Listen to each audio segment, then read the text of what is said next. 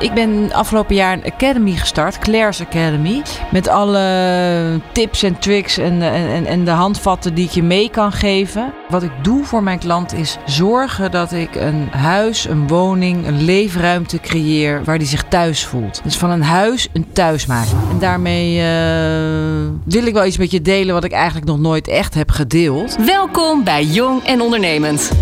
In deze podcast praat Oscar met bevlogen en eigenzinnige ondernemers. Waarvoor komen ze hun bed uit? Wat kunnen we van ze leren? Van brute blunders tot zinderend succes. Ze nemen je mee in het hele proces. Dit is Jong en Ondernemend. Dit is Jong en Ondernemend, de podcast. In aflevering 5 het verhaal van ondernemer Anne-Claire Winkelhagen. Vanuit haar studio in Blarikum behoort ze inmiddels tot de top van Nederland op het gebied van interior design. Ze vertelt hoe ze haar bedrijf stap voor stap heeft opgebouwd. Alles over haar werkwijze en haar projecten, haar mediacarrière op tv en op Instagram, het succes van haar eigen academy met honderden deelnemers, maar ook over de tegenslagen, haar grote blunders en haar zeer heftige burn-out. Ook heb ik haar gevraagd haar aanpak met ons te delen. En ik beloof je dat je aan het eind van deze aflevering een aantal tips en tricks in handen hebt. waarmee je zelf concreet aan de slag kunt in je bedrijf of met je project. Veel plezier bij het inspirerende verhaal van Anne-Claire Winkelhagen. Dit is Jong en Ondernemend, de podcast. Hallo Anne-Claire, wat, uh, wat fijn dat jij vandaag mijn, eh, mijn gast bent. Van harte welkom. Dankjewel. Ik wil graag met je praten, omdat ik vind dat je een, uh, een heel mooi bedrijf hebt opgebouwd. Claire's Interior Design. Met je studio ben je behoorlijk toonaangevend aan het, aan het worden. Je ontwerpt prachtige projecten voor particulieren en bedrijven vanuit je kantoor in Blarikum in de garage.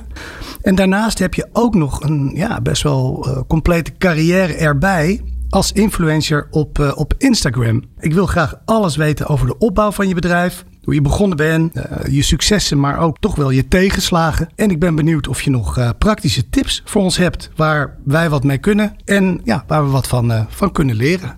Nou, wat leuk. Ik heb uh, een hoop te vertellen als, als, je, als ik hoor wat je allemaal wil weten van mij. Dus ik ja, uh, kom ja. erop. Leuk. Ja, maar eerst doe ik altijd om uh, mensen beter te leren kennen, heb ik even een paar vragen. Ja. Hoe oud ben jij, Anne-Claire? Ik ben 42 jaar. 42 jaar. En hoe lang ben jij al ondernemer? Ik ben in 2005 uh, begonnen met ondernemen. Met, uh, ik ben ook meteen begonnen met deze zaak, met Claire's. Ik heb niets anders eerst ondernomen. Dus nu zo'n uh, 16 jaar ben ik ondernemer. Als je oom uit, laten we zeggen, Lelystad... op een verjaardagsfeestje vraagt... Meid, wat, uh, wat doe jij voor de kost? wat zeg jij dan? Dan zeg ik dat ik interieurontwerper ben. En begrijpt hij het dan? Ja, denk het, ja, dat denk ik wel. Interior designer vind ik altijd mooier klinken. Maar ja, ik ben gewoon Nederlands, dus ik probeer het dan toch in het Nederlands uit te leggen. Maar ik ben geen interieurarchitect, want ik heb geen architectuur gestudeerd. Dus zo noem ik mijzelf bewust niet. En een stylist ben ik ook niet, want ik doe echt veel meer. Dus daarom noem ik mezelf dan interieurontwerper. Als jij nu een miljoen morgen uit het niks op je rekening zou hebben staan, wat zou je daarmee doen? Oh, een leuke vraag al meteen. Ik zou proberen daar meer geld van te willen maken. En dan, op het, en dan het daarmee doen waar mijn passie ligt en mijn kunde. En dat is toch wel interieur. Dus ik zou dan zoeken naar een oud pandje, opknappen. En dan proberen te verkopen. Omdat daar mijn hart ligt uh, en iets wat ik kan. En dan kijken of ik er nog meer geld van kan maken. Als jij heel oud bent en je blikt terug op je, op je, op je carrière. Welke impact wil jij dan gemaakt hebben? Jeetje. Of zeg maar, wat wil je bereikt hebben? Ja, nu je mij die vraag stelt, moet ik eigenlijk als eerste meteen aan Jan de Bouffry denken. Want dan, uh, omdat die dus vorig jaar is overleden, wat liet hij achter? Hoe werd, hoe werd hij herdacht? Nou, is hij echt een icoon waar ik mezelf niet zomaar naast uh, schaar. Maar wat ik het mooie vond, hoe hij werd herdacht, is dat hij iets moois heeft nagelaten. Weet je, uh, hij heeft gevoel voor smaak gebracht. Dus ja, dat, dat zijn wel prachtige complimenten. Dat ik denk, ja, als iemand dat over mij kan zeggen dat ze zeggen van goh, ze heeft iets moois nagelaten. En eh, als ik het dan nog kan nalaten voor mijn dochter, zou ik dat helemaal geweldig vinden. En als je zegt iets moois, wat bedoel je daar Ja, dan specifiek mee? Ja, dan heb ik het dus inderdaad toch over op het esthetische vlak. Dus dat, men, dat ik mensen woonplezier heb kunnen geven. En, eh, en ook, maar dat is iets wat ik de laatste jaar eh, meer op mijn pad is gekomen, dat ik mensen heb kunnen inspireren en enthousiasmeren voor mijn vak. Zat het ondernemen er eigenlijk al vroeg in bij jou? Nee. En dat eh, hoor je toch wel vaak bij ondernemers dat ze al op school aan het handelen waren in knikkers of kralen of jassen of kleding, weet ik veel. Nee, dat zat er bij mij niet in. En ik heb ook geen. eh, ja, ik heb wel een redelijk ondernemende moeder, dat wel. Maar het zijn, eh, mijn ouders zijn niet echte ondernemers. Was jij een, een studiebol met je neus in de boeken? Of was jij meer iemand van de praktijk? Ik ben zeker iemand van de praktijk en dat was ik al. En dat heeft er ook mee te maken met, waar we misschien nog wel later op terugkomen, maar alles bepalend in mijn leven is dat ik heel erg dyslectisch ben. Op school had ik eh, moeite. Ik moest eh, heel erg mijn best doen en eh, werd wel begeleid. En, maar het was, ik vond school niet altijd het leukste, want ik vond het pittig.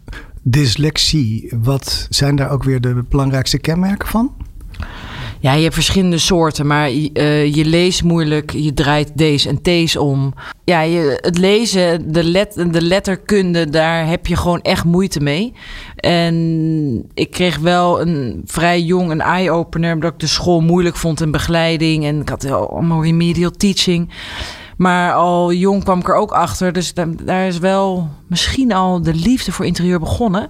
Want ik weet toen wel, dat kreeg ik een boekje over dyslexie. En daar was het voorwoord geschreven door Jan de Bouvry. En het is wel zo dat ik, en dat, eh, daar herkende ik hem in. Ik denk in vormen en kleuren. En Mijn- komt dat eigenlijk voort uit, uit je dy- dyslexie? Dat, je- denk ik. Ik denk dat je hersenen, ik weet niet of dat bewezen is, maar ik denk dat je hersenen het gaan compenseren. Weet je, als je ergens niet goed in bent, dat je dan eh, op een andere manier compenseert. Dus ik denk alles in vormen en kleuren. Mijn familie wilde ook nooit vroeger met mij memory spelen. Geen memory spelen? Nee, ik won altijd van iedereen. Ik wist precies waar welk kaartje lag. Dat is echt heel irritant dan. Ja, ja, maar heel veel andere dingen kon ik niet, maar dat kon ik wel. Wat ben je na school, ondanks je dyslexie, welke richting ben je toen opgegaan? Nou, ik ben met school. eh, ik begon trouwens op de HAVO. En Toen moest ik terug naar de MAVO, wat ik heel lastig vond. Maar dat was dus omdat ik dus moeite had met al dat lezen. Ja. Dus ik ben het eigenlijk heel rustig aan gaan doorlopen. Want daarna ging dus MAVO heel makkelijk. Ben ik alsnog HAVO gaan doen. En ik wilde wel studeren. Ik had altijd de liefde voor creativiteit en interieur. Maar ik ben er toen nog niet zozeer iets mee gaan doen. En ik kreeg het ook echt mee van mijn ouders. Want ik van jongs af aan stond ik, stond ik op, in vakantie op antiekmarkten. Wat ik toen niet heel erg kon waarderen. Maar s morgens vroeg, want dan had je de beste vondsten. Maar daar heb ik wel de liefde voor, eh, de mee, voor gekregen, denk ik. En wel leren kijken. En toen ben ik wel in Amsterdam gaan studeren. En heb ik een particuliere opleiding mogen doen. Want ik had wel echt die begeleiding nodig. Welke Eh, opleiding was dat? ja, ik heb communicatie marketing gestudeerd. Ook omdat ik eigenlijk niet zo heel goed wist wat ik wilde. En ehm, toen ben ik die opleiding gaan doen waar ik heel veel plezier in heb gehad en waar ik ook wel heel erg veel van heb geleerd. Achteraf denk ik, ik had misschien wel iets van een rietveld willen of kunnen doen, maar ik was toen nog niet zo ontwikkeld dat ik het interieur eh, in wilde. Maar die communicatie marketingopleiding heb ik altijd wel heel erg veel aan gehad. Want het was een beetje out of the box denken, maar het was ook een middenweg kiezen omdat je niet echt wist wat je wilde. Dus dan zat je altijd wel safe met deze opleiding. En wat heb je gedaan na die opleiding? Ja, toen ging ik eh, werken en toen had ik toch wel iets dat ik dacht, ik vind interieur leuk. Maar toen ben ik begonnen bij een makelaarskantoor in Amsterdam. Wat ik heel leuk vond. En ja, ik dat, had dus met huizen te maken. En daar begon ik en toen had ik een hele leuke baas, heel aardig. En daar kon ik heel erg goed mee. En daar heb ik nog steeds contact mee. Maar die zei op een gegeven moment wel, eh Claire, volgens mij interesseert het jou meer hoe dat huis er van binnen uitziet en hoe het anders kan worden. Dan dat je ook maar dat huis aan de straatstenen wil eh, kwijt kan en wil verkopen. Dus volgens mij moet je daar maar iets mee gaan doen. Ja, toen ja. Dus jij ik- moest die huizen verkopen, maar eigenlijk stond je al die huizen van binnen. ja, ik keek al, alleen maar naar de binnenkant en hoe het anders kon. En dan had ik pen en papier en dan ging ik een beetje krassen van nou, ik zou het zo en zo doen. Dus dat werd het wel al aangewakkerd. Dus toen eh, ben ik daar weggegaan, ben ik gestopt. Ben ik nog eventjes ergens in de marketing gaan werken, in de evenementenwereld. Daar heb ik mijn huidige vriend uh, ontmoet. En die, is, uh, die was toen ondernemer. Die zei toen, ja, wat wil je het allerliefste doen in het leven? En, uh, dat is een goede vraag. Ja, dat was een goede vraag, maar ook wel een, een, moeilijke vraag. En dan, ik geloof dat dingen moeten lopen zoals ze lopen. Want ik zat in mijn contractbespreking bij de evenementenlocatie. En de een op de andere dag uh, was het, oh nee, we gaan het contract toch niet verlengen. En daar stond ik dan. En toen uh, dacht ik terug aan het gesprek van, met mijn vriend van wat wil ik het allerliefste doen. En daar was mijn antwoord, was iets met interieur. En... Dus toen dacht ik, ja, nu is dan toch mijn kans. Dus heb ik wat geld, uh, want ik, ik kon nog even mijn contract afmaken daar. Heb ik geld gespaard, opzij gezet. Dacht ik, nou, dan begin ik met een laptop. Ben ik een laptop gaan kopen en uh, ja, ben ik, uh, het, dacht ik, ik ga het interieur in. Ik probeer het een paar maanden. Lukt het niet, dan ga ik alsnog een baan zoeken. Lukt het me wel, dan ga ik kijken of ik mijn droom kan najagen. Zo ben ik eigenlijk begonnen. Dit is Jong en Ondernemend, de podcast. Nou Claire, alweer zo'n 16 jaar geleden sprong jij dus in het diepe en begon je eigen bedrijf. Kan je mij nou nog eens precies uitleggen wat je nou doet? Wat, wat, wat valt er nou onder het begrip interior design? Wat, wat doe jij nou voor je klanten? Ja, um, ik doe best wel veel. Even kijken, hoe kan ik het best samenvatten? Ik ben interior designer. Wat ik doe voor mijn klant is zorgen dat ik een huis, een woning, een leefruimte creëer. Wat, uh, waar de bewoner, waar de cliënt echt gelukkig is, waar die zich thuis voelt. Dus van een huis een thuis maken. Ja, dat is zo'n kazige lijn, maar dat is wel de essentie van wat ik doe. En wat dat praktisch inhoudt, is dat ik ontwerp. Dus iemand komt, ik een casusvoorstel, iemand komt bij mij, heeft een huis gekocht. Die zegt, ja, ik heb een onwijs tof huis, groot, mooie ruimtes, een prachtige locatie. Maar het is helemaal mijn smaak niet. De indeling klopt niet. En dan begin, dan begin ik. Dus dan ga ik de cliënt echt leren kennen, de wensen, hoe ze leven. En dan ga ik ontwerpen. En dan ontwerp ik de indeling, de routing, de, de, de as, de lijnen, de lichtinval. Bepaalt allemaal hoe de indeling van een huis wordt. En dan ga je eigenlijk verder. Ga je de materialisatie, de kleuren bepalen. De harde materialen en dan de zachte materialen. Dus de afwerking, de styling, de inrichting, de detaillering. Soms vraagt iemand mij voor één aspect in een huis. Dus zegt van nou, ik heb een hele toffe woonkamer, maar het voelt niet lekker. Wil je me helemaal afstylen voor mij? Ja, dus dan hoeft er niet per se muren. Nee, uh, dan hoef ik niet het hele ontwerp te doen. Dus, dus ik kan het hele ontwerp doen of een facet daaruit. En uh, dat is eigenlijk wat wij doen. Ja, en, en, en oké, dan kom ik bij jou ja. om, voor, een, voor, een, uh, voor echt een ontwerp. Ja. Hoe gaat dan dat proces? Nou, het proces gaat dat je eerst samen. Het is natuurlijk een super persoonlijk vak wat ik uh, doe. Dus je hebt eerst ga je samen vaak zitten. Ik wil de opdrachtgever goed leren kennen. Want als ik iets ontwerp voor een, een, een, een vrijgezelle man uh, of vrouw, of een gezin met jonge kinderen, of een gezin met kinderen uit huis, dat dat vergt hele andere wensen en gebruikersgemakken. En dus dat wil ik eerst goed voelen en in kaart brengen voor mijzelf. En met elkaar in gesprek, waar hecht jij waarde aan? Nee, ik ben echt een bankhanger tv-kijker. Nee, ik wil juist allemaal, uh, weet je, the more the merrier, grote tafel, vrienden. Al die informatie is belangrijk voor mij om het ideale huis voor mijn cliënt te kunnen ontwerpen. Dus ik ga eerst het persoonlijke gesprek aan, een paar keer. En dat in kaart brengen. En dan komen, neem ik aan, ook uh, vragen als: wat is je budget aan de orde? Ja, zeker ook. Ja, zeker. Maar daar begin ik niet mee. Want ik wil eerst kijken of ik het meest ideale beeld kan schetsen um, voor de cliënt. En dan kan je daarna kijken um, ja, of je naar de gouden kraan of een, of een RVS-kraan uh, indenk, implementeert in het ontwerp. Dat heeft, heeft inderdaad met budgetten te maken. Maar je gaat eerst samen het gesprek aan en dan begin ik met uh, ontwerpen. Betekent wel dat je soms uh, ook ontzettend leuke contacten opdoet. Nee, dat is absoluut. Je gaat een soort verbinding aan. Hè? Dat je gaat een, een enorme verbinding aan. En dat vind ik een van de leukste aspecten van mijn vak. Is dat je echt een verbinding aangaat. En wat ik net zei, het is natuurlijk heel privé. Ik vraag ook uh, hoe iemand naar het toilet gaat. Ja. Of die een bidet wil hebben, ja of nee. Waarschijnlijk is dat niet je eerste vraag naar Nou. de koffie. Wel, nee, zeker niet. Nee, zeker niet. Ehm, wel als ik denk, er is geen klik, denk ik, nou, ik begin met die vraag. Dan denk ik, zij is niet helemaal wijs. Als ze dan blijven zitten, weet je, nou, dan doen we het gewoon. Ja, dan is het de moeite waard. Ehm, nou, een beetje grap en gollen heb ik trouwens altijd wel eh, met klanten. Want dat is wel... Ja, je moet het allemaal niet te zwaar en te serieus nemen. Je moet ook de plezier met elkaar hebben. Maar je hebt een heel perso je hebt hele persoonlijke vraagstukken. Dus je, maakt, je, creë- je hebt absoluut een band met elkaar. Nou zitten we hier in jouw mooie kantoor in Blarikum, de garage.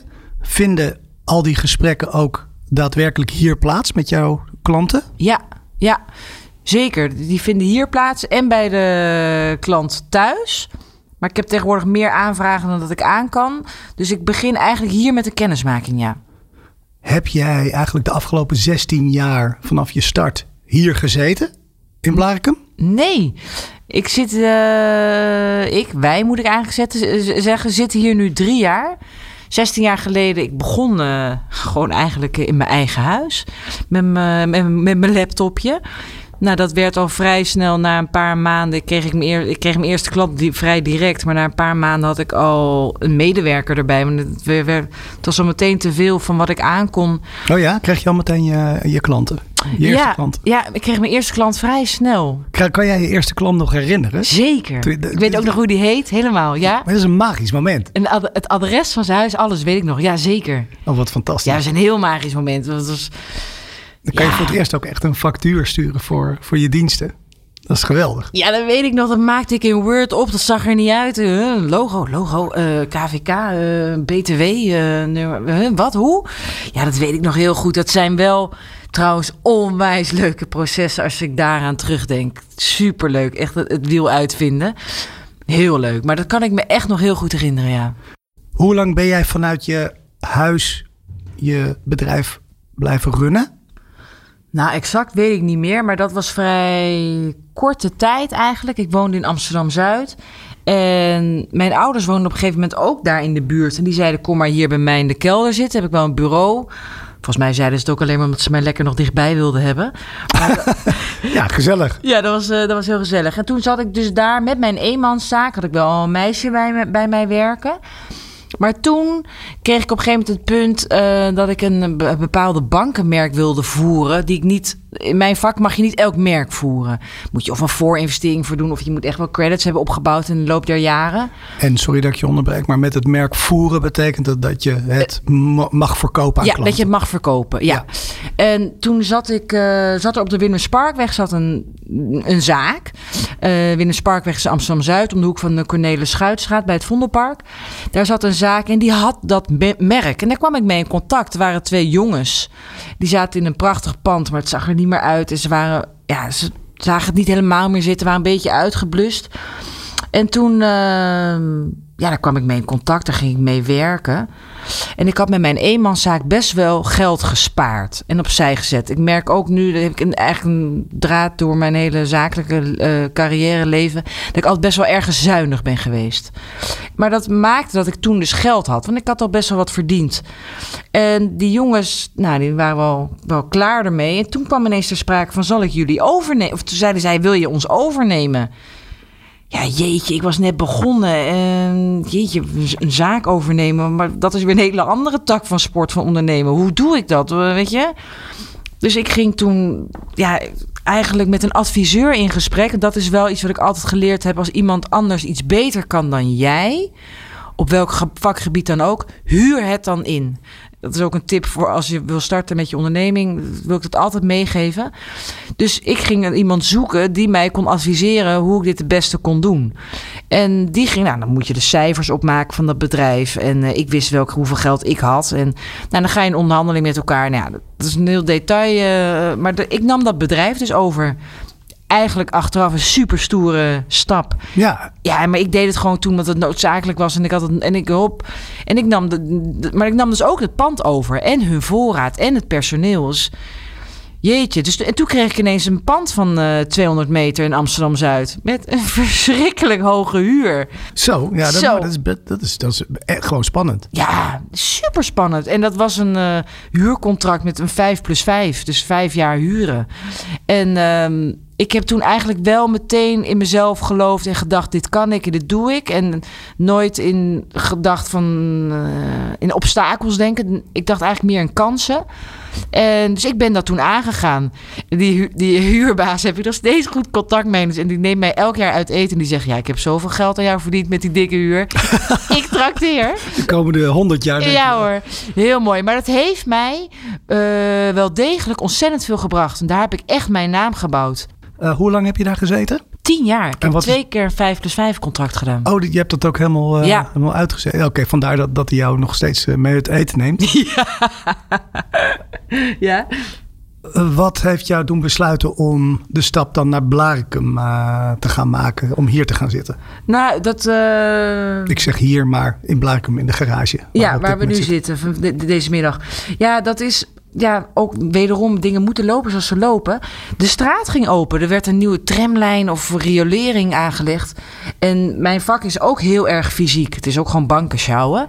En uh, dacht ik, ja, jeetje, mijn leveranciers kunnen maar geen bank afleveren. Uh, en ik dacht ineens, ja, nou ben ik mijn loop langs mijn zaak kwijt. Met, uh, met mijn publiek, je, met, mijn leads, mijn cliëntelen. Hoe, weet je, hoe gaan ze mij nog vinden? En toen zat ik dus op, na die vijf jaar, denk ik, ik zeg mijn huur op. Ik denk, en ik had niet eens wat anders. Ik denk, ik, uh, ja, misschien impulsief achteraf, weet ik niet. Ik, ik zei het gewoon op en ik denk, ik, ik, moet hier weg wat anders doen. En ik kwam in de fase dat ik uh, samen met mijn vriend net uh, hadden we een dochtertje. En ik had wel al het voortschrijdende inzicht dat ik de stad uit wilde met mijn dochter.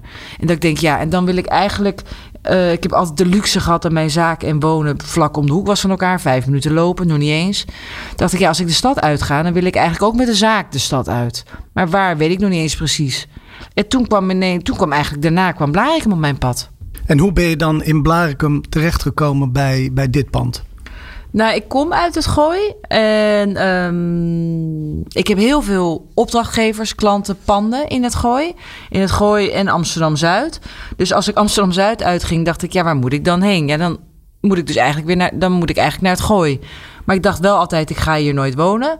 Maar toen kwam een huis op ons pad uh, waar wij verliefd op werden. En dat stond in Blaricum. En toen dacht ik, ja, en voor de zaak zou het een logische stap zijn om dan ook in Blaricum te gaan zitten. En toen, um, zo is het eigenlijk gegroeid. Alle ideeën groeien eigenlijk zo langzaam aan in mijn hoofd altijd. En toen kwam dit pand heb ik al jaren op mijn vizier. Dat ken ik al jaren. En het is al jaren een vervallen oud pand. En altijd wilde ik dit heel graag. Ja, ik weet niet. Ik, wilde, ik wist niet of ik het wilde hebben. Maar het, ik keek altijd drie keer om als ik er langs reed. En toen kwam het te kopen. Toen heb ik geprobeerd het te kopen. Dat lukte mij niet. Ik kreeg toen mijn financiering niet rond. Uh, nou, het pand werd verkocht. Uh, vond ik jammer. Maar het werd verkocht aan een ontwikkelaar. Want hierboven zit nog een appartement. En toen ben ik met de ontwikkelaar in gesprek gegaan. Kan ik dan beneden van jou huren? En ja hoor, maar ja, dat was best wel een groot ding. En toen dacht ik, uh, ik was toen wat voorzichtiger in die tijd. Dus toen dacht ik, jeetje, zal ik het nou wel doen? En toen kwam ik, op mijn pad uh, Jacques Walg. En daar, die kende ik wel al, maar die sprak mij aan. Die zei... Kun je even, wie is Jacques Oh, sorry. Ja, nee, natuurlijk. Uh, hier in het Gooi natuurlijk een uh, Ja, hier in het Gooi is dat een begrip. Jacques Walg is een makelaar. En heeft een heel groot makelaarskantoor hier in het Gooi. En dat is natuurlijk een, een, een bedrijfstak waar ik die regelmatig tegenkom met mijn vak. En die zei toen tegen mij, waarom gaan wij niet samen in dat pand zitten? En uh, in dat hoekpand. Dat heette toen nog niet de garage, maar vroeger was dit een autogarage. En toen zei ik: uh, Ja, uh, ik ben altijd alleen geweest in een pand. Zeiden ja, samen delen en alles gaan we dan samen doen. Waarom niet? Je kan elkaar inspireren, je enthousiasmeren, je kosten delen. En het was mij eigenlijk net wat te groot. En ik denk, ja, leuk, waarom niet? Helemaal tof. En toen zijn we dan die stap aangegaan samen. En toen heb ik het, uh, toen zei hij tegen mij, hij zei, ja, ik geef jou de vrije hand voor het ontwerp van binnenuit. Ik, hij zegt, ik wil alleen zorgen dat ik een uh, goed bureau heb voor mijn medewerkers zometeen en voor jouw medewerkers. En dat we dan met elkaar kunnen zitten. Het moet een gastvrij pand zijn. En toen ben ik gaan ontwerpen. En toen zijn we dit gaan invullen, ontwerpen en, en gaan zitten. En toen dacht ik, ja, dan is het toch wel tof om dat pand een, echt een naam te geven. Zodat het een begrip wordt in het gooi. En toen dacht ik, ja, dat was vroeger een autogarage. We noemen het de garage. Dit is Jong en Ondernemend, de podcast. Hoe zit jouw organisatie in elkaar? Ik kan wel zeggen dat ik nu de organisatie echt goed heb staan. Daar heb ik wel veel energie in gestoken. En om mij een beeld te geven, uh, hoeveel mensen heb jij werken? Ja, wij zitten met z'n vijven op kantoor. En daarin hebben we dus de creatief. We hebben crea dat, dat ben de creatieve gek en dat ben ik, uh, zei de gek. En de twee creatief assistentes voor ieder die een eigen, zijn eigen project draait met mij. Er komt natuurlijk heel veel detailleringen komen eruit. En een tekenaarster die alles uitgetekend wordt. En uh, vroeger gededen het met de hand, maar alles gaat op de computer. En, um, en echt de office. Voor de offerte uitvragen, de planningen, de agenda. Uh, facturatie heb ik dan weer iemand extern voor. Da daar heb ik nu echt een heel tof team mee staan. Wat heel goed loopt en draait. Kan jij je stijl omschrijven? Heb jij een bepaalde stijl, zoals van Jan de Bouvry, die je ook al eerder refereerde, eigenlijk altijd he zullen herinneren als hij heeft Nederland van de bruine schrootjes afgehaald ja. en wit gemaakt. Lekkere witte muren. Heb jij ook een, een, stijl waarin men jou kan herkennen? Moeilijke vraag altijd. Uh, ja, ik ben uh, pure kleuren en materialen. Tijdloos, warm dat is wel echt wat ik ben. En ik merk ook dat mijn smaak en mijn stijl uh, onderhevig is aan, aan de tijd en de ontwikkelingen. Niet zozeer aan de trends. Uh, daar kijk ik wel naar, maar die volg ik niet heel erg op. Maar ik merk wel dat ik naarmate ik wat ouder word, dat ik misschien ergens wat klassieker, wat uh, tijdlozer word en ben. Noem nou zo'n voorbeeld van een project waar jij echt gewoon heel erg trots op bent. Wat je gemaakt hebt of gedaan hebt. een leuke vraag. Ja, ik ben op heel veel uh, heel trots. En uiteindelijk heeft uh, de, de, de, mate van trotsheid, de trots heeft te maken, alles te maken met hoe het proces is verlopen en hoe de cliënt blij is. Of weet je, hoe blijer en dankbaarder de cliënt is, hoe succesvoller het project eigenlijk. Dus ik heb, ik heb een heel tof project gedaan, uh, nou, meerdere projecten in Amsterdam. En dat was een heel mooi proces waarin je klant en ik elkaar, het is namelijk een wisselwerking, elkaar kunnen stimuleren en uh, een stap hoger kunnen brengen. Welk project was dat? Uh, dat was een Amsterdam Centrum. En een, een, een stel waarvan de kinderen uit huis gingen en uh, ze gingen naar een heel tof pand. Uh, uitkijkend over het ei. En waar alleen nog de gevel overeind bleef staan. En van binnen moest alles uh, opnieuw. Maar de ontwikkelaar, dat, dat, ging met redelijk horten en stoten. En niet zoals helemaal zoals gewenst. En wat heel frustrerend en vervelend was voor mijn cliënt. En ik fietste daar omheen, want ik moest hem daar, na, daar omheen invullen. En um, en we hebben zo echt, weet je, tegenslagen gehad daarin. En elkaar willen enthousiasmeren en positief blijven. En toen kregen ze ook nog te maken met het, het verlies van een dierbaar familielid. En ja, dan, dan komt er gewoon hoop op een pad. Je kan je ook voorstellen dat je je huis creëren stress brengt en dan verdriet. Dus het was voor mijn opdrachtgever een hele heftige tijd. En, en, en dan elkaar bijstaan, uh, elkaar voor elkaar zijn, um, ontzorgen, wat, wij, wat echt bij mijn vak hoort. Je wil een, een opdrachtgever ontzorgen, maar in dit geval nog wel meer dan anders. En uh, wat een waanzinnig mooi project is geworden. Wat een, waar de klant zo blij mee is en zo happy is. En dat werd gepubliceerd in een tijdschrift. En toen kreeg ik een, een uh, kaartje van mijn klant toegestuurd. En uh, met de lieve Claire, dankjewel voor je hulp. Zonder jou was het niet, weet je, alleen maar lieve, lovende woorden. En waarop ze eindigde, ik wens iedereen een, een Anne Claire toe. En toen dacht ik, jeetje, wat tof dat iemand de moeite neemt om dat te zeggen, om dat kaartje te schrijven. En, en dan kan ik met zoveel trots en plezier terugkijken op zo'n project. Dat ik denk, uh, ja, dat, ja, dat is voor mij echt, ja, dat is mijn kroon op het werk. Ben ik toch ook wel benieuwd. Heb jij nou wel eens een ontzettende fout of een blunder gemaakt? Want het leven bestaat natuurlijk niet alleen maar uit. Uh, ja, nee, heb ik zeker gemaakt. En dat wil ik ook heel graag delen. Want ja. Uh, nou, vertel eens een. Uh, nou, mijn allereerste... een gigantische blunder. Nou, ik, ik zal je er twee vertellen. Dat is ook altijd even lekker om te horen. mijn allereerste project. Dus, dus die, die, die jonge vent in Amsterdam, die dus bij, waar ik dus met mijn laptopje daar voor het eerst kwam. Die uh, had een hele succesvolle baan en knijterhard werken. Had een prachtig pand gekocht. Had op jonge leeftijd veel geld. En die wilde het mooi maken. Want die was ook nog op zoek naar een mooie vrouw. Dus hij dacht, nou, als ik nou een goed mooi huis heb... dan kan ik iemand mee naar huis nemen. Dus ik hartstikke mijn best doen. Ook omdat, dus weet je, ik denk, ja, mijn eerste klant... ik geef mezelf drie maanden. Als dit mislukt, moet ik een baan gaan zoeken. Ik wil toch dat dit wel gaat lukken. En toen, ja, ik deed alles voor het eerst. Dus daar, oh, daar ging heel veel mis. Maar daar ging dus ook zo mis dat ik gordijnen ging monteren. Dat ik daar een timmermannetje zocht, vond en mij hielp. En ik met die ladder daar samen ophangen. En dat ik s'avonds een belletje kreeg van mijn klant. Oh, ik zei, wat is er? Die hele roede rail gordijnen zijn naar beneden komen zeilen. en ik mijn stukwerk kapot en gaten in de muur. Nou, shit. Nou, dan ging je s'avonds laat nog. Oh, verschrikkelijk dat was ja, dat, dat soort fouten, die moet je ook trouwens maken. Want daar, daarin, heb ik, daarin heb ik zoveel geleerd. En nog één anekdote, wat echt een hele grove, heftige fout was. Maar ik heb het aan mijn opdrachtgever opgebiecht onlangs, dus ik kan het echt wel delen. Is dat ik een groot, uh, een hele leuke klant, waar ik nog steeds mee werk tien jaar geleden. Die had een heel groot blok, een vastgoedblok met allerlei verschillende appartementen in Amsterdam Zuid. En die wilde die dat ik daarmee hielp. Weet je, elk appartement kwam dan vrij. En dat moest dan uh, gesmoeld en gedaan worden. En, maar die appartementen leken allemaal op elkaar. Ze hadden allemaal in principe wel redelijk dezelfde indeling. De ene had op begane grond, de andere op de eerste, op de tweede. En uh, ik geloof dat ik wel iets van 40 appartementen daarvan heb gedaan. En ieder appartement was 100 meter. Dus dan kreeg je de doorbraak van de keuken naar de woonkamer. Het waren allemaal beetje kleine keukentjes, dat moest open. Nou, dus dat deed ik. Maar op een gegeven moment zat je een beetje op een automatische piloot. Want dat appartementje zag er weer hetzelfde uit. En dan kwam er weer één. Nou, en elke keer deed het toch een ander kleurtje of iets. En uh, nou, daar was ik een paar jaar mee bezig. Dat al die appartementen aan mij voorbij kwamen.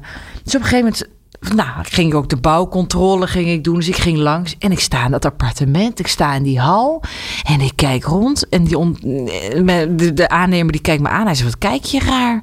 Ik zeg, ik zie daar twee deuren zitten naast elkaar. Maar ik zeg, ze hebben allebei een vrij en bezet sluiting. Vrij en bezet sluiting is dus van een toilet.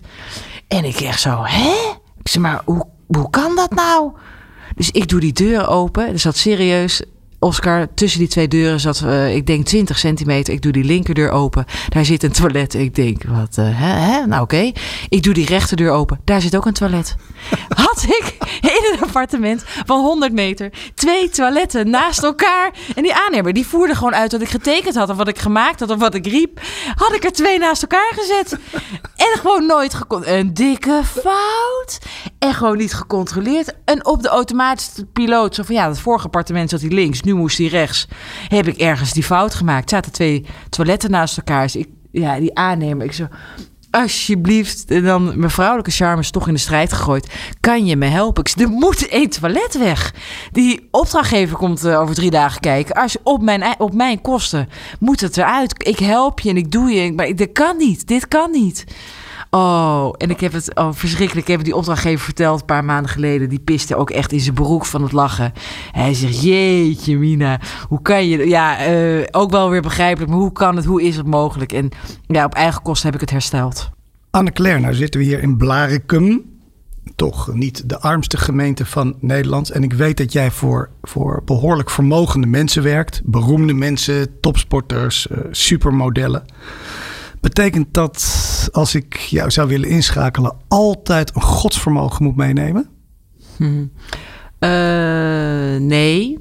Nee, maar ik zal. Uh, ik moet wel eerlijk zijn dat ik als, als, je, als ik aan het werk ga voor iemand, dan kost dat mij tijd. En ik heb. Uh, mijn tijd is wel ja, ik heb maar een x aantal uren.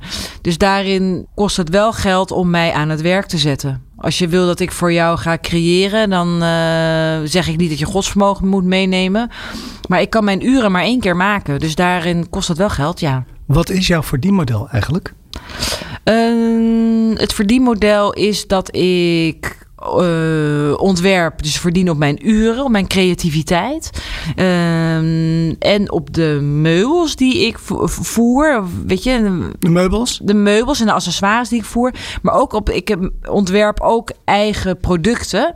Een, een pleet, een Claire's pleet, een, een, geurkaars vorig jaar. Een droom wat voor mij uitkwam, wat ik al heel lang wilde doen. Um, de, de, eigen productlijn, dus daar verdien ik ook op. En een webshop wat ik erbij heb draaien. Ja, zo heb ik, ik heb eigenlijk verschillende verdienmodellen. Dat is dat en het social media is een verdienmodel. Dit is Jong en Ondernemend, de podcast. Vanuit je expertise als interior designer ben je de afgelopen jaren ook een mediapersoonlijkheid geworden. Je staat in heel veel woonbladen met interviews persoonlijk, maar ook je, je projecten. Ja. Je staat soms in van die hele mooie koffietafelboeken van uh, de mooie boekenzaak Mendo met Ja. je projecten. Ja. Ook zat jij in een aantal tv-programma's. Ja, Help me nog heel even, welke waren dat ook alweer? ik heb het programma Huizenjacht gedaan. En ik heb het, de vroege shownieuws op SBS heb ik eh, gedaan als woondeskundige. En af en toe te gast geweest bij Koffietijd, bij Eigen Huis en Tuin. Maar Huizenjacht en shownieuws waren wel echt eh, terugkomende elke week opnames en een terugkomende factor. En dat vond jij zo leuk om te doen dat je uiteindelijk besloten hebt om wat verder te gaan met de media en je eigen Instagram vanuit je bedrijf weliswaar Ja, op te gaan zetten. Hè? Eh, Ja. Ik zie dat dat, eh, ik volg je ook, best heel erg leuk is om naar te kijken en ook ontzettend succesvol. Kan jij je nog herinneren welke stappen je genomen hebt om daarmee te beginnen? Waarom ben je er eigenlijk mee begonnen? Ja, nou dat, de, televisie lag inderdaad daar wel, eh, ging eraan vooraf. Volgens mij startte ik toen een beetje met Instagram. En ik vind dat heel erg leuk. En eh, ik heb niet zo moeite. Ik, heb, ik vind het leuk en makkelijk om op camera te praten. Dus toen had ik inderdaad mijn Instagram-kanaal, wat natuurlijk, mijn vak is ook heel erg eh, ge- eh, ge- beeldgerelateerd. Dus daarin is Instagram ideaal. Bijvoorbeeld Twitter heb ik nog, nog nooit op gekeken zelfs. Ook omdat het voornamelijk om teksten gaat. En als dyslect dat je denkt, die sla ik even over. Want ik kijk alles in vorm en beeld. Dus daarin had ik mijn Instagram-account opgezet en gedaan. En toen zei een vriend van mij van... Goh, waarom ga je dat niet wat meer aandacht aan besteden... en wat meer uitbuiten en wat dieper op in? En volgens mij liggen daar kansen voor jou. En dat ben ik toen eigenlijk zo gaan doen. En wel echt alles interieur gerelateerd. Ik vind het ontzettend leuk om te doen. En het heeft een enorme vlucht genomen afgelopen jaar, twee jaar. Welke content zet jij op Instagram? Alles wat met mijn vak en mijn bedrijf en met interieur te maken heeft. Dat plaats ik op Instagram. Dat deel ik. Dus de voor- en na-foto's Van projecten die je doet. van projecten die ik doe. Of ik ben op een beurs, wat ik daar tegenkom, dat deel ik. Dus alles interieur gerelateerd. Ik heb de afspraak met mijn gezin thuis, met mijn vent... dat ik mijn dochter en mijn vent niet deel. Het gaat echt om mijn zaak en mijn... Maar ook wel weer om het ondernemerschap van mij. Daar deel ik ook alles over. Maar niet zozeer mijn privéleven.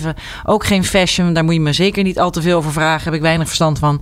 Maar alles wat op interieur gerelateerd is. Dan op foto's, beeldend. Maar ook, en dat heeft natuurlijk met de, die televisiecarrière, als je het zo wil noemen, hiervoor te maken.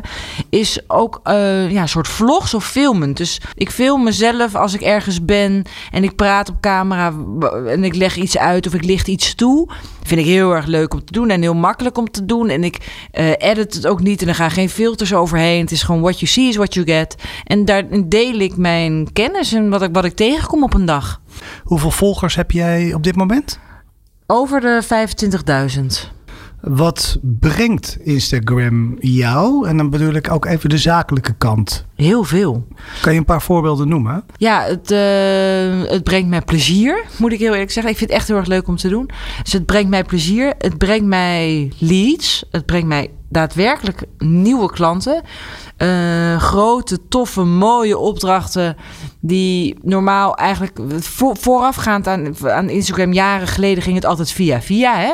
Die brand bouwen in Amsterdam, waar ik begon.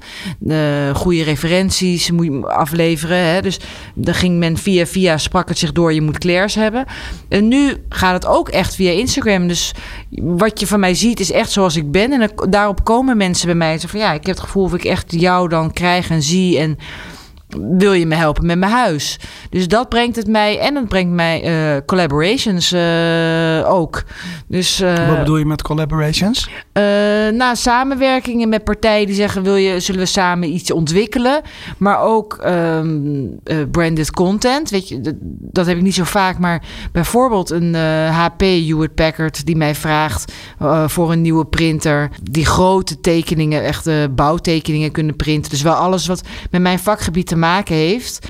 Daarin word ik verbonden en dat vind ik heel erg leuk om te doen. En HP is dan echt een aanmerk. Of Katawiki, de veilingen, ging het over een designveiling, word ik dan voor gevraagd om dat te promoten. Wat ik heel leuk vind, waar ook echt mijn passie ligt. Anders zou ik het niet doen. En um, het heeft ook gebracht dat ik de webshop die ik heb ontwikkeld, die ben ik eigenlijk heel snel gaan ontwikkelen toen de corona uitbrak. Heb ik dat binnen uh, maand, twee maanden dacht ik, shit, wat gaat er nu gebeuren? Heb ik, heb ik een webshop ontwikkeld. En maar daar in Instagram is natuurlijk een prachtig kanaal om het daarmee te posten en te boosten. En die geurkaars die ik ontwikkel, ja, dat communiceer ik dan op Instagram en die verkoop ik dan weer via de webshop. Dus zo wordt het eigenlijk een totaal pakket alles, alles haakt op elkaar in. En als je dan zo'n geurkaars hebt ontwikkeld, ja. je zet hem op Instagram, merk je dan ook dat die ook daadwerkelijk verkocht wordt? Jazeker. Ik heb een paar honderd, honderden verkocht. Jazeker. Dus Instagram is eigenlijk zo langzamerhand een, een, een aparte tak geworden als aanvulling op je, op je andere activiteiten. Ja, wat ik erg leuk vind aan jouw activiteit op Instagram, dat je echt een kijkje achter de schermen krijgt. Hè? Noem het maar een soort etalage. Ja. Maar ik zag dat jij ook een compleet nieuw iets hebt ontwikkeld afgelopen jaar. Ja, goed gezien. Een soort academy. Ja. Kun je daar iets over vertellen? Wat, wat, wat houdt dat in? Uh, ja, daar kan ik zeker iets over vertellen. Dat is eigenlijk ook echt wel weer een nieuwe tak van sport alles wel weer interieur gerelateerd. Maar uh, ik ben afgelopen jaar een academy gestart, Claire's Academy. En daarin deel ik al mijn kennis uh, op het gebied van interieur. Dus de, de stappen die ik doorloop in de ontwikkeling eh, voor een uh, klant of van een project. Die deel ik met alle tips en tricks en, en, en de handvatten die ik je mee kan geven. En daar heb ik een academy van gemaakt. Uh, via social media heb, krijg je daar toegang toe. Het is een besloten groep. Kan je een kaartje kopen. En dan heb je toegang tot die groep. En ik vind dat ontzettend leuk om te doen. En dat is. Uh, ik merk dat ik daar heel veel satisfaction uit krijg. En, en uh, dat vind ik heel plezierig en plezant om te kunnen en mogen maken. En dat heeft, heeft alles te maken met mijn mijn vakkennis delen. En daar ben ik ook voor ouder geworden. Ik denk dat ik dit een paar jaar geleden niet had gedurfd. En ook niet eens had, als, als ik het had gedurfd, niet had gedaan dat ik bang was, dat ik mijn geheimen zou delen. En nu ik ouder ben, noem het, misschien is het de moederschapsrol. Ik weet het niet hoe, waar, je het onder kan toebedelen. Maar ik vind het ontzettend leuk om kennis te delen. En ik ben er niet bang voor ook. Dat is, uh, dat dat is ontzettend goed om te zien. Hoeveel deelnemers had je aan je cursus? Hoeveel mensen hebben er een ticket gekocht? We hebben 560 mensen een ticket gekocht. 560. En wat kostte een ticket? Een kaartje kost 189 euro. Kijk, dus dat is ook nog gewoon serieuze uh, handel. Een verdienmodel. Ja, een verdienmodel. Ja, en het, het ziet er ook, het is ook, weet je, wat ik al eerder heb gezegd, als iemand anders iets beter kan, dan moet je dat inhuren. Dus het ziet er echt onwijs professioneel uit. Dus de, de, de, de inhoudelijk heb ik alles geschreven, maar ik heb een heel tof team om me heen verzameld voor, voor de vormgeving, voor het filmen, uh, zelfs voor de kleding. Uh, weet je, dus uh, dit is echt een professionele cursus die er gewoon heel strak uitziet en, en heel informatief en leerzaam is. Wat zijn nou de meest gestelde vragen door de cursist aan jou? Want je hebt af en toe ook uh, interactie gehad. Uh, Ja. live, dat ze je vragen konden stellen. Wat, wat wil men nou het liefste weten? Ja, dat zijn toch eh, detailvragen. Van goh, eh, als ik mijn kozijnen van mijn deuren zwart maak, moet ik mijn plinten dan ook zwart maken? Of eh, dat, zijn, dat zijn echt detailvragen. En die, die beantwoord ik allemaal. Want ik, ja, dat vind ik leuk. Ik, ik vind het ontzettend leuk om te doen. En ik krijg heel veel leuke reacties. En mensen die dankbaar zijn, die zeggen: Ik heb echt wat geleerd. En ja, dat is, dat is een van de leukste dingen misschien wel. Dit is Jong en Ondernemend. De podcast. Wat ik je gewoon echt eerlijk wil zeggen, is dat ik het heel knap van je vind dat jij eh, dagelijkse interiorwerk hebt. Ja. Met een team van vijf. Ja, En dat je daarnaast eigenlijk nog een complete extra tak hebt met dat Instagram. ja. Het ziet er van de buitenkant allemaal heel glamorous uit. Hè? Jij doet het op camera natuurlijk fantastisch. Het is allemaal prachtig om te zien. Maar het is ook echt bloed, zweet en tranen, kan ik me voorstellen. Hoe combineer je die werkzaamheden? Nou, dat combineren, dat gaat eh, vanzelf. Eh, ook ja, er zijn allemaal zoveel clichés. Eh, als het je passie is, als het je hobby is, dan voelt het niet als werk. Eh, en dat is wel echt allemaal waar. Hoe, plat het ook klinkt, dat is wel waar. Dus ik doe het allemaal met onwijs veel plezier. En ik vind het heel leuk om te delen. Maar ja, er gaat heel veel energie in zitten, maar het heeft zeker. Het, het, het kan een keerzijde hebben. En daarmee eh, wil ik wel iets met je delen wat ik eigenlijk nog nooit echt heb gedeeld. Eh, wat heel veel mensen niet weten. En, eh, niet zozeer dat het een geheim is, maar het heeft niet zozeer iets met interieur te maken, maar wel alles met het ondernemerschap. En dat dat wel. eh, een paar jaar geleden bij mij zijn, eh, voordat ik Instagram begon, dus het heeft niks met Instagram zelf te maken, maar dat het bij mij een paar jaar geleden wel eens een tol heeft geëist. Het te veel energie steken in en er te weinig energie uithalen. En wat bedoel je met eh, je tol eh, heeft geëist? Hoe zag dat eruit? Nou, dat zag eruit dat ik eh, de bocht uit vloog, letterlijk en figuurlijk. En ehm, dat ik burned out raakte. En hoe zag dat eruit wat, in de praktijk? Hoe, hoe, hoe heftig was het? Heftig. En het raar is, dat terwijl ik het woord uitspreek, burned out, is dat het mij meteen emotioneert. Dat, is, dat blijft, een, he- het blijft een heel gevoelig eh, punt. Een, een gevoelig punt in mijn leven en een eh, kwetsbaar stuk waar ik me niet voor schaam en wat ik zeker niet. Maar ik praat er misschien niet vaak over, omdat het mij dus zo eh, kan raken als ik het erover heb. Ik vind het dus ook wel heel fijn dat je het erover wil hebben. Je mag, mag zelf aangeven wat je, ja, wat je erover kwijt wil. Ik zie Ja. ook dat het je emotioneert. ja, Maar wat ik van mensen die deze podcast luisteren altijd terugkrijg, of vaak terugkrijgen, is dat ze natuurlijk de glamorous verhalen ontzettend interessant vinden. Maar elk ondernemerschap, hè, mensen die zo verschrikkelijk hard werken als jij, Mhm. want dat, dat doe jij gewoon, ja, het heeft ook gewoon een keerzijde. ja.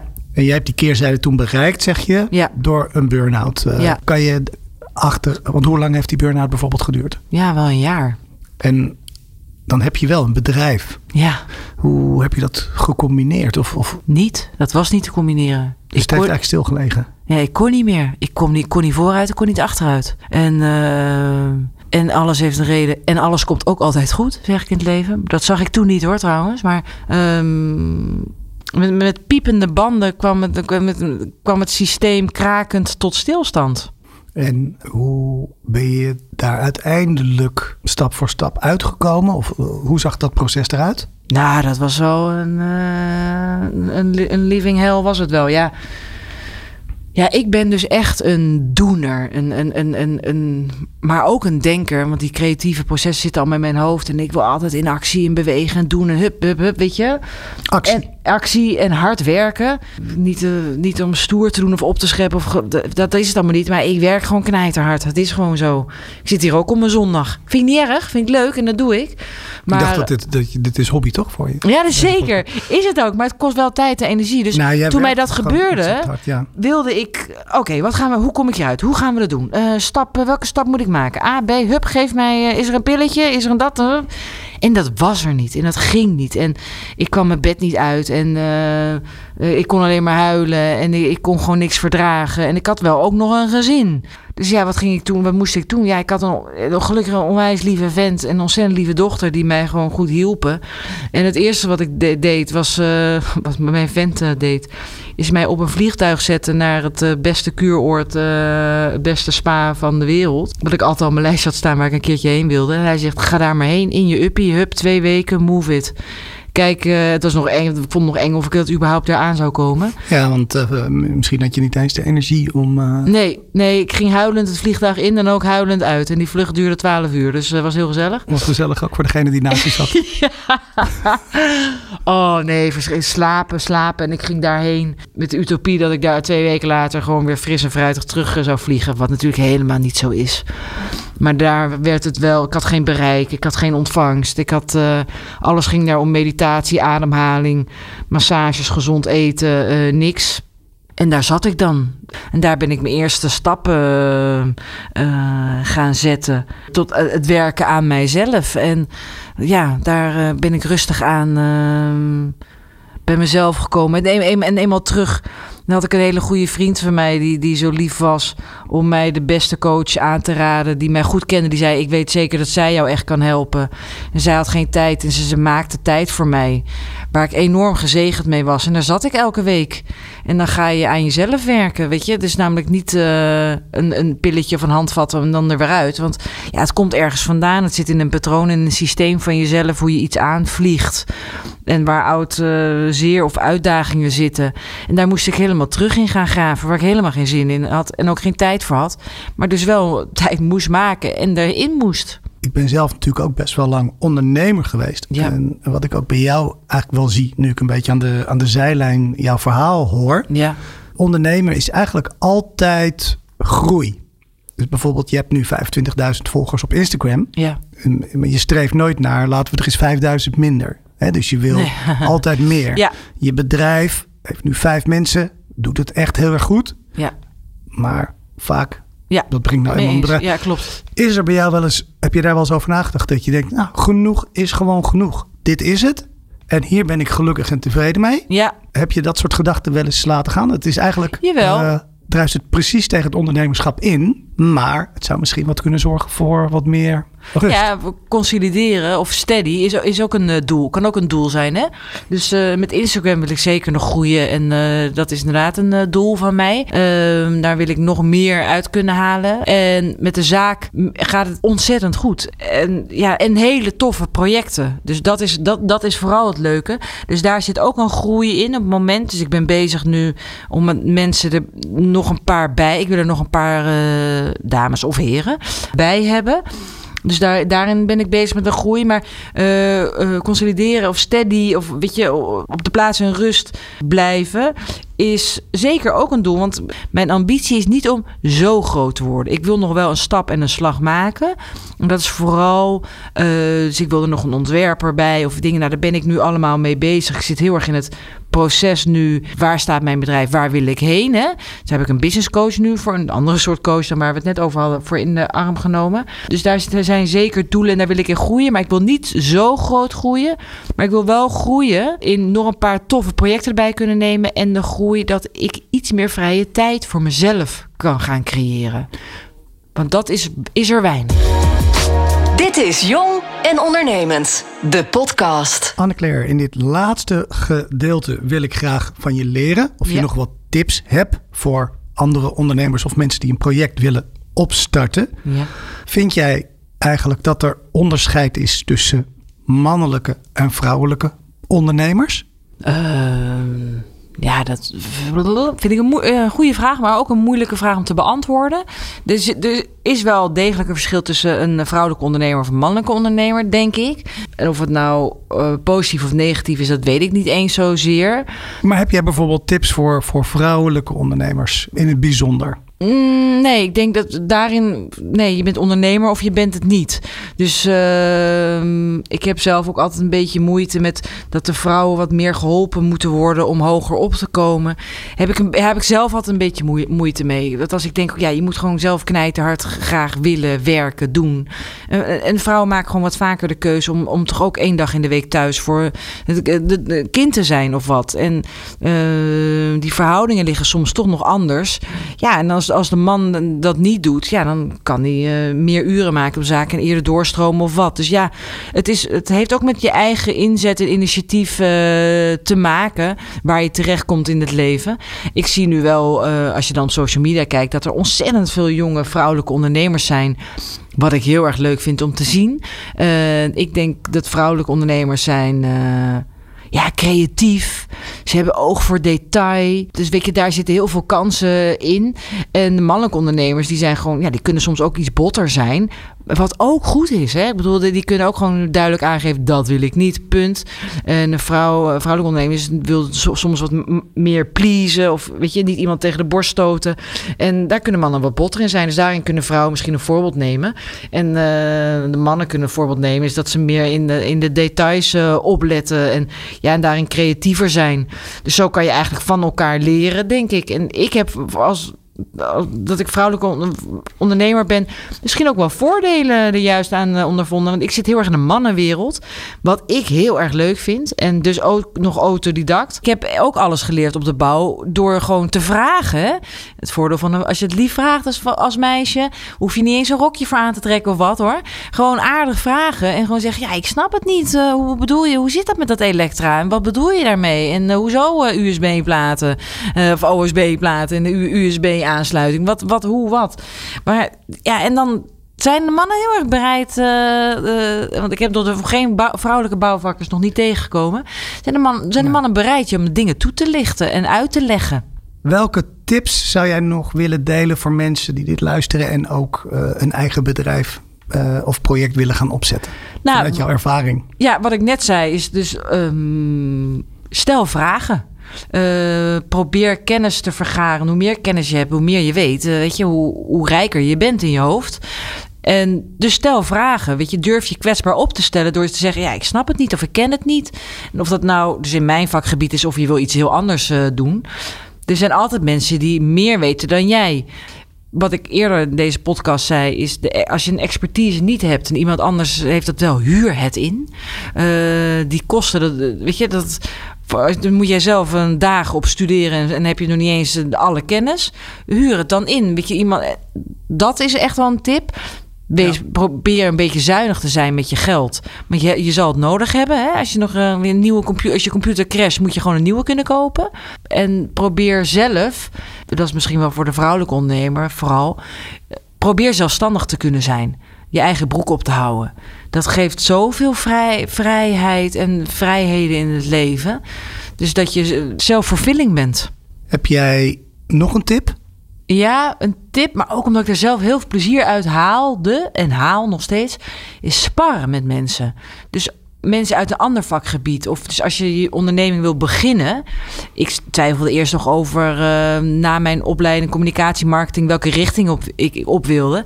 Toen ben ik gewoon rondjes uh, kopjes koffie gaan drinken. Iemand die in de makelaardij zat, maar ook iemand die in de reclame zat. Of en daar heb ik zoveel uh, van geleerd en kennis van opgedaan. En dat doe ik eigenlijk nog steeds. En dat vind ik heel leuk. Ik plan dat echt in in mijn agenda. Gewoon kopjes koffie drinken met mensen met wie je kan sparren. Of jij kan iemand inspireren of iemand kan jou inspireren. Dat is ontzettend leuk om uh, te doen. En dat brengt je ook verder in het leven. Nou, dan, dan zijn we alweer aan het, uh, aan het eind gekomen van, uh, van ons gesprek. Zijn er misschien nog dingen die jij nog kwijt wil of die ik vergeten ben om te vragen? Nee, ik vond het ontzettend leuk om te doen. Dus ik wil je bedanken voor de uitnodiging. En ik kijk uit. Ik heb je vorige podcast dus allemaal geluisterd. En ik kijk uit naar wie je allemaal nog meer uh, krijgt als gast. Want ik vind het uh, heel leuk. Want ik heb van die andere podcasters, ook al ben ik al ondernemer, al 16 jaar, heb ik toch ook weer dingen geleerd. Dus dat vind ik heel erg leuk uh, dat ik daar nu zelf aan bij mag dragen. Dus dank je wel daarvoor. Nou, nou heel, heel graag gedaan. Dat is wederzijds. Ik wil je echt ontzettend bedanken voor het mooie gesprek. Wat ik er zelf ook uit geleerd heb, is dat jij juist eigenlijk zonder opleiding het bedrijf stap voor stap, door gewoon te doen, organisch hebt laten groeien. Ja. Soms best wel in de diepe ben gejumpt. Terwijl je eigenlijk half maar wist wat de uitkomst daarvan zou zijn. Ja. Ontzettend tof van je dat je ook je kwetsbare kant hebt willen delen. Want dat is vaak wat je op social media natuurlijk niet zo gauw laat zien. Je laat niet zien, ik lig nu in bed met een, met een burn-out. Dat Nee. zijn niet de plaatjes. Het past ook niet hoor binnen, binnen je ondernemerschap. Maar ik ben heel blij dat je daar het eerlijke verhaal over hebt, eh, hebt verteld. Graag, Ja, ik wil je dus echt ontzettend bedanken voor het gesprek, eh, Anne-Claire. graag gedaan. Jij ook bedankt. Bedankt voor het luisteren naar Jong en Ondernemend. Graag tot de volgende aflevering.